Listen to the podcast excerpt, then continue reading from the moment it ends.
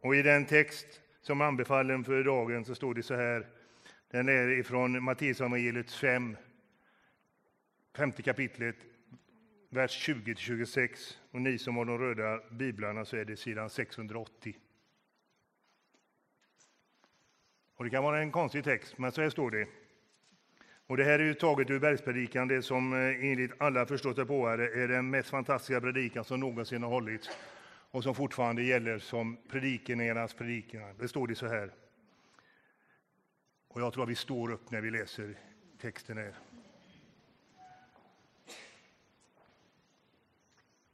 Jag säger er att om inte er rättfärdighet överträffar de skriftlärdas och fariseernas så kommer ni inte in i himmelriket. Ni har hört att det blev sagt till fäderna, du ska inte dräpa. Den som dräper undgår inte sin dom. Men jag säger er, den som blev red på sin broder undgår inte sin dom, och den som okvädar sin broder undgår inte att ställas inför rådet, och den som förbannar honom undgår inte helvetets eld. Om du bär fram din gåva till offeraltaret och där kommer ihåg att din broder har något otalt med dig, så låt din gåva ligga framför altaret och gå först och försona dig med honom. Kom sedan tillbaka och bär fram, bär fram din gåva. Skynda dig att komma överens med din motpart medan ni ännu är på väg, så att inte han överlämnar dig åt domaren och domaren lämnar dig åt vakten och du sätts i fängelse. Sannerligen, du slipper inte ut förrän du har betalt till sista öret. God förmiddag. Roligt för mig att få vara här i Saron igen. Ehm, ja, det brukar bli ibland att få komma hit och predika på somrarna och det är alltid väldigt roligt att få göra det. Ehm, och det känns alltid som att komma hem lite grann för mig att komma hit. Jag har jobbat här tidigare och eh, jag är faktiskt fortfarande medlem i den här församlingen. Fast jag har jobbat i Linnéakyrkan bland annat sedan dess och snart ska börja jobba i en ny församling faktiskt. Men jag tycker mycket om Saron och det är alltid roligt att få komma hit.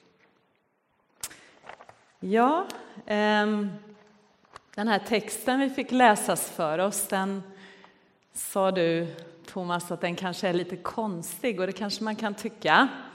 Eh, jag har faktiskt inte känt att jag skulle gå ut ifrån den direkt utan mer ifrån det här temat med efterföljelse. Och framför allt kanske det här med vårt fokus tänkte jag börja i. Thomas nämnde någonting om det i inledningen här redan, att var, var har jag mitt fokus? Vem är det jag följer? Vem är det jag vill likna kanske? När jag tänkte på det här med fokus så tänkte jag också lite på eh, mitt yngsta barn Benjamin. Eh, han har ju Downs syndrom som många av er vet. Han är en väldigt härlig och glad kille ofta. Och igår så hade vi åttaårskalas för honom. Och man kan ju tänka sig lite grann vad som var hans fokus. Om man tänker på det här, en illustration på fokus så var det ju såklart paketen presenterna. Och framförallt bilar är liksom Benjamins fokus i livet. McQueen, om det är någon som ja, känner till den.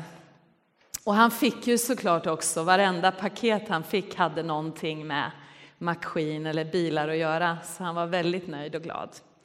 Men, men där kan man se liksom bara en, en bild, tänkte jag, på det här med fokus. Och frågan till oss idag, det är ju som Thomas sa, var vårt fokus är. Jag tänker att det som är mitt fokus är det som faktiskt styr mig. Så den här frågan blir väldigt viktig. Det som är mitt fokus, det blir på något sätt det som eh, formar mig. Det som jag längtar efter, det som jag drömmer om. Det som fyller mina tankar, mina känslor. Och jag tänker att det kanske ofta har att göra med, för Benjamin var det presenter och bilar och det är ju jättehärligt. Och för oss kanske det ofta har att göra med sånt som vi ändå liksom tycker om i vår värld, sånt som vi uppskattar. Eh, vi kanske drömmer om en härlig semester eller vi kanske drömmer om att gå ut och äta på en underbar restaurang eller vad det nu kan vara. Vi kanske drömmer om större saker, om en viss uppgift eller en viss, ett visst jobb eller någonting annat. Och jag tänker att Gud, som det står i Bibeln, Jesus, det står att han känner med oss. Att han vet hur det är att vara människa. Så han, tror jag, har väldigt stor förståelse för oss i det där, i de sakerna som vi liksom rent mänskligt på något sätt kan längta efter. Och han vet om vad vi längtar efter. Han känner våra hjärtan. Och det är inget fel i att vilja ha av det goda som vi omges av. Det är inget fel i att längta efter det. Det kan ju också hända att vi längtar efter sånt som inte är lika bra för oss. Eh, Paulus han säger ju i Bibeln att allt är inte nyttigt, säger han. Allt är tillåtet, men allt, allt är inte nyttigt. Vad det än är så, så känner Jesus oss, och han förstår vår längtan och han förstår också våra svagheter, står det. Han vet vad det är att vara människa. Och han dömer inte oss, men jag tror att han också vill väldigt gärna få röra vid oss även just idag. Röra vid vår längtan, röra vid våra hjärtan.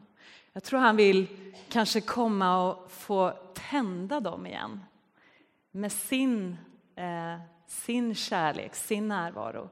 Så att vi ändå på nytt kanske kan få liksom fokusera på nytt på honom. Det är ändå viktigt att vi gör det när vi tänker på det här som jag sa, hur, hur det här med vad vi fokuserar på faktiskt formar oss och påverkar oss.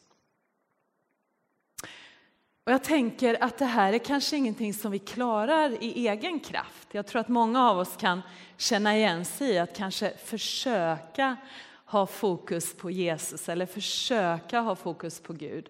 Men det är så mycket som vill ta vår uppmärksamhet, både goda och mindre bra saker ibland som vi nämnde. Det är så svårt ibland att hålla fokus, tänker jag. Det finns mycket distraktion. Och jag tror att Gud själv behöver just röra vid våra hjärtan för att vi ska kunna ha fokus på honom. Det spelar ju ingen roll egentligen hur mycket vi själva försöker eh, leva för Gud om vi inte faktiskt lever med Gud. Och grunden för att ha fokus på honom handlar ju om vad han kan göra och inte vad vi kan göra. Men någonstans, jag tänker på det här ordet omvändelse. Någonstans så handlar det också om att vi ändå vänder oss till honom för att han ska kunna göra det. För att han ska kunna beröra mitt hjärta och få det att brinna igen för honom, få mig att se honom tydligare igen, vilja honom, så behöver jag ändå välja att vända mig till honom, tänker jag. Och det tror jag är någonting vi alla kan. Och jag tror också att det är en inbjudan från honom till oss idag. Att vänd dig till mig, sök mig, sök mitt ansikte. Och att hans löfte är att han då vill komma och, och röra vid oss på det sättet som vi behöver. Vi kan helt enkelt behöva försöka ändå vända oss ifrån allt som vill ta vår uppmärksamhet just nu och liksom fästa blicken på honom. Ibland kan det också innebära, som det stod lite i den här texten, att behöva be om förlåtelse för någonting. Behöva göra upp om någonting. Det finns ju så mycket igen som liksom vill häfta i oss och, och dra i oss. Och ibland dra oss lite bort från, från Jesus. Sådär. Men, men det där det är så underbart att varje minut, just nu, så har vi möjlighet att igen vända oss till honom. Igen säga förlåt om vi behöver. Och igen bara få uppleva att han är där, han är här. Och det enda han vill är att möta med oss på det här sättet. Jag var i Jerusalem för ett par veckor sedan, i Israel, och var på mitt livs resa. Det är säkert många av er som har varit där. Och det var verkligen helt, helt fantastiskt att vara i Israel. Ehm, det var ju underbart på så många plan. Det gav så väldigt mycket och man kan nästan inte jag har nästan inte landat än liksom och kunnat bearbeta allt som jag såg och allt jag var med om. Ehm, men en sak som var intressant, det var att vara i Jerusalem just och se på den här muren kring templet och tempelberget och se på portarna där. Och framförallt den gyllene porten som den kallas, den, den berörde mig. Eh, I Hesekiel så kan man läsa om att den porten är den port som försten ska komma tillbaka igenom till, sitt, till det fullbordade, det, det framtida templet. Och det står till och med där att den porten kommer att vara stängd till dess att försten kommer tillbaka. Och många ser och har sett det som en profetia på när Jesus kommer tillbaka och att han kommer komma in genom den där porten igen. Och den är ju faktiskt igenmurad för att Eh, jag tror att det var muslimerna för århundraden sedan som murade igen den just för att inte den här profetian skulle kunna gå i uppfyllelse. Och när jag såg på den porten så, så slog det mig att den faktiskt är lik ett hjärta. Den är formad nästan som ett hjärta. Och då tänkte jag direkt nu på Uppenbarelseboken 3 där det just står om Jesus att han knackar på vårt hjärtas dörr. Att han vill liksom komma in i det inre, i, i vårt inre. Han vill få centrum i våra liv. Men han, han forcerar inte dörren utan han står där och knackar och väntar på att vi ska öppna dörren och släppa in honom.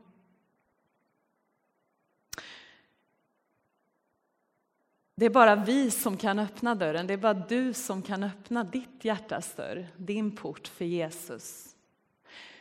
Och jag tror att det kanske finns några här idag som känner den där knackningen som har känt ett tag att ja, men jag vet vad du menar. Jag känner att jag, jag hör den där knackningen i mitt hjärta och jag har inte riktigt öppnat. Men om du gör det så skulle jag vilja uppmuntra dig att våga öppna ditt hjärta för honom idag. Du kommer inte att bli besviken. Han är värdig att få komma in i ditt hjärta. Och han kommer göra allting nytt. Han kommer att komma in och ge dig en fantastisk gemenskap med honom och ett helt nytt, väldigt spännande liv. Man brukar ju säga att det är verkligen inte alltid enkelt att följa Jesus. Och det är det inte. Men det är verkligen värt det, tänker jag. Det är ett äventyr, är min erfarenhet, att följa honom. Och när han kommer in i vårt hjärta då fyller han oss inifrån med sin glädje och sin kärlek och sitt ljus. Och vi behöver aldrig mer känna det här att vi är helt ensamma, helt avskurna, att ingen förstår. Utan då finns han där inne, följer eller går med oss och, och förstår oss eh, och hjälper oss. Och det andra jag tänkte på utifrån den här, det här temat med, med efterföljelse, dels den här rörelsen då att vi väljer att vända oss till honom och öppna upp för honom för första gången eller på nytt. Och jag tänker att vad det leder till är att vi vill tillbedjan. Det leder till, när vi, när vi öppnar vårt innersta för honom, han får komma in och förändra, förnya, när han kommer in och i en process kanske, men befriar oss från saker som har hållit oss fast eller fyller oss med sin glädje och kärlek. Eh, bryter gamla mönster och gamla sätt att tänka. Eh, bygger upp oss igen. När vi får uppleva allt det där, då blir det så naturligt att vilja tillbe. Vi har ju gjort det den här morgonen på ett underbart sätt redan, hur Lukas har lett oss. Och, men just det här att känna att man vill tillbedjan, det kommer ifrån att uppleva att Herren kommer in i våra liv på ett nytt sätt. Det är heller inget, tänker jag, som man kan bestämma sig för att göra bara sådär. Det kan vi göra, men jag tänker att tillbedjan i första hand handlar om att vi vill tillbedjan därför att vi får uppleva det han gör för oss. Vi är faktiskt till och med skapade för tillbedjan, tror jag. Och det är inte i första hand att sjunga sånger, gamla eller nya, att välja en viss musikstil, eller att kanske komma en söndag förmiddag och liksom sparka igång sig själv lite grann. Att nu ska vi sjunga lovsång eller nu ska vi, nu ska vi tillbe med vår sång. Det är fantastiskt att vi gör det, att vi bestämmer oss för det och gör det. Men jag tror det finns en nivå av att när vi tar emot mer av Gud, när vi bjuder in Jesus ännu mer så, och tar emot av honom in i våra behov, in i våra hjärtan, så stäms vi liksom till tillbedjan och då vill vi tillbedja. För det handlar om att gensvara. Och det är ju det mest naturliga när vi har mött honom. Honom som är allt, som vill vara allt för oss, som kan göra allt det vi längtar efter och behöver. När vi möter honom då blir det så naturligt att tillbe. Det där är ju ett väldigt slitet exempel, men när Sverige vinner VM-guld till exempel i fotboll eller något, jag är totalt osportintresserad, så jag säger kanske helt fel här, men det har väl hänt. Då svämmar ju gatorna över av, av folk som vill ut och bara liksom tillkännage sin glädje. Och det är otroligt roligt, man vill vara med. Man vill vara där och glädjas och uttrycka den här glädjen över den här segern. Man vill ta del och man vill liksom lyfta upp laget som har gjort det här fantastiska. Det blir naturligt att uttrycka det. Och det är det jag tror att Gud vill att vi får uppleva. Det här att det är naturligt, att vi vill gensvara, att det kommer från hjärtat. Återigen är inte det något vi kan liksom fixa till själva tror jag, men jag tror det är något som som Herren vill föda i våra hjärtan när vi tar emot, öppnar för honom. Och det här med tillbedjan kanske man tänker att det, det går väl lätt när allting går bra. Men min erfarenhet också är att precis när jag tycker att livet är tungt, precis när jag tycker att det är mycket som liksom är svårt att bära eller svårt att hantera, att om jag då, jag kanske bara orkar säga hjälp, hjälp mig Jesus, jag kanske inte orkar be eller läsa Bibeln eller liksom det där vi pratade om, försöka. Men jag kanske bara kan ropa hjälp, hjälp Jesus. Min erfarenhet är att om jag gör det då, då brukar jag faktiskt få uppleva hans hjälp och hans omsorg. Och när man får vara med om det, mitt i det där som är tungt, då är det ganska lätt att tillbe. Då brukar jag vilja tillbedjan. Jag tänker på när Paulus och Silas står det om i Apostlagärningarna, att de var fängslade och sitter en mörk natt i en mörk fängelsehåla och har blivit pryglade och är fastlåsta. Och då börjar de sjunga lovsång. Att det här med tillbedjan kommer inifrån, från det här inre livet som Jesus på något sätt vill röra vid oss och, och låta flöda fram inom oss när han får komma in i oss. Och när vi har följt de här rörelserna i efterföljelsen, det här med omvändelse och tillbedjan. Jag tror som sagt att det kan vara något vi gör för första gången eller något vi får liksom uppleva på nytt och på nytt. Att vi får komma tillbaka till det, att det kanske är som en en cykel i våra liv som, som troende. Att vi får vända oss till honom och fyllas av honom och stämmas till tillbedjan. Jag tror när vi, har, när vi är där, har kommit dit, så finns det en tredje rörelse. Så finns det någonting av att få uppleva också ett genombrott i våra liv. Vi pratade om vad är det som styr mig, vad är det jag längtar efter.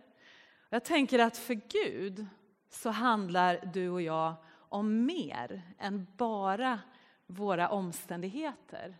Han ser dig och mig som en del av någonting mycket större. Han ser oss som en del av sin frälsningsplan.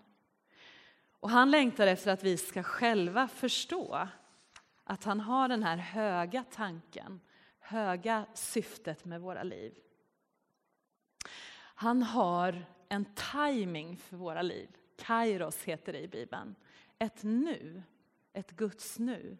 När han i våra liv, genom det här att vi vänder oss till honom och tillber honom, när också någonting nytt får hända, någonting mer får hända. Där vi får se hur han vill använda oss i den här stora planen. Hur just du liksom i din situation på olika sätt kan få uppleva att oj, det där var inte jag, det där var Gud. Gud är i mig och han märks genom mig till dem jag möter, till mina omständigheter.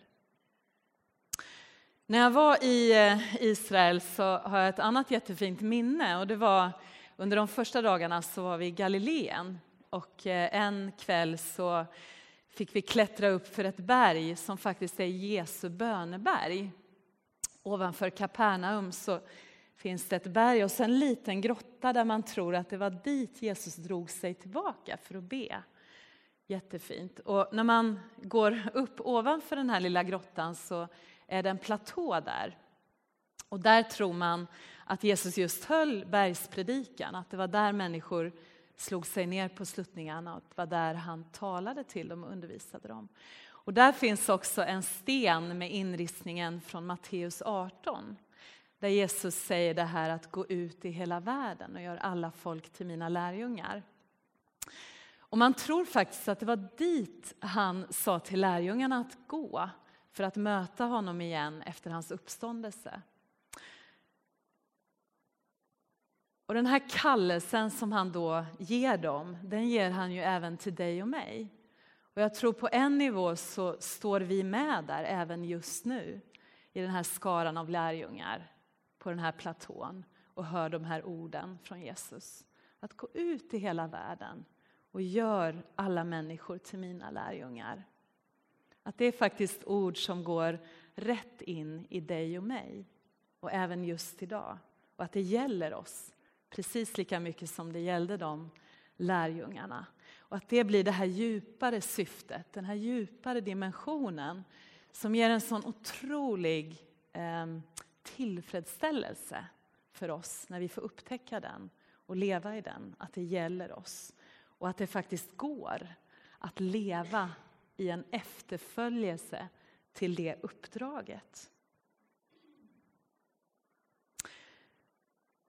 Så jag tror att Jesus står bredvid dig just nu, idag och ber dig att följa honom. Kanske för första gången eller på nytt idag. Han behöver dig. Han behöver dig för, det här, för att den här planen ska gå i uppfyllelse.